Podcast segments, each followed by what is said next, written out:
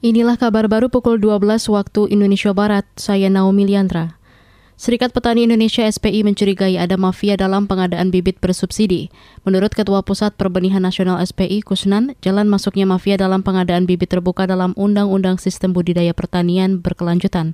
Kata dia, aturan itu melarang petani kecil memproduksi dan mengedarkan benih produksi sendiri nyatanya bahwa uh, perusahaan-perusahaan yang baru di Jawa Timur, di Kediri dan kabupaten-kabupaten di sekitar Kediri yang lainnya itu juga tujuannya tentu untuk mendapatkan tender dari pemerintah untuk pengadaan benih yang selanjutnya untuk didistribusikan kepada petani. Tapi nyatanya katanya di lapangan bahwa benih-benih yang didistribusikan kepada petani itu ya kualitasnya kurang bagus ya.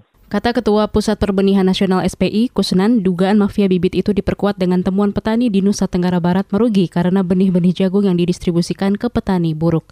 Sebelumnya Menteri BUMN Erick Thohir menyinggung adanya mafia bibit yang menyebabkan hasil panen menurun. Dia meminta PT Pupuk Indonesia mengawasi penerimaan bibit petani sekaligus memastikan kebutuhan pupuk terpenuhi.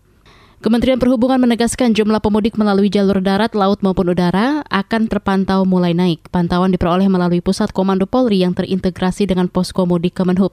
Tenaga ahli perhubungan bidang komunikasi Tontowi Jauhari mengatakan, jumlah pemudik tahun ini diperkirakan bakal mencapai 85 juta orang dengan rincian 40 juta pemudik menggunakan mobil pribadi dan 26 juta pemudik dengan angkutan umum darat. Itu mudik awal itu sudah banyak dilakukan oleh masyarakat. Di udara dua hari lalu itu tercatat naik naik, ada pergerakan itu sampai 90 pesawat. Terus kemudian Jasa Marga kemarin melaporkan sudah ada 300 ribu kendaraan yang keluar dari Jakarta begitu ya. E, hari ini nanti akan kita lihat lagi berapa ya kendaraan yang e, akan keluar dari Jakarta.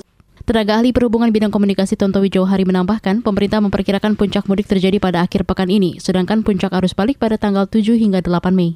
Kita ke berita luar negeri. Setidaknya 10 orang tewas setelah sebuah kapal wisata hilang lepas pantai utara Pulau Hokkaido, Jepang. Penjaga pantai setempat mengatakan pencarian masih dilakukan untuk 16 orang lainnya yang berada di kapal 1. Kapal diketahui hilang kontak pada Sabtu waktu setempat. Media Jepang menulis awak kapal sempat memberi sinyal bahwa kapal itu miring dan mulai tenggelam. Kapal Kazu tengah melakukan perjalanan wisata selama 3 jam di sekitar semenanjung Sireteko. Kapal berawak dua orang itu membawa 26 penumpang. Saudara, demikian kabar baru KBR. Saya Naomi Liandra, undur diri.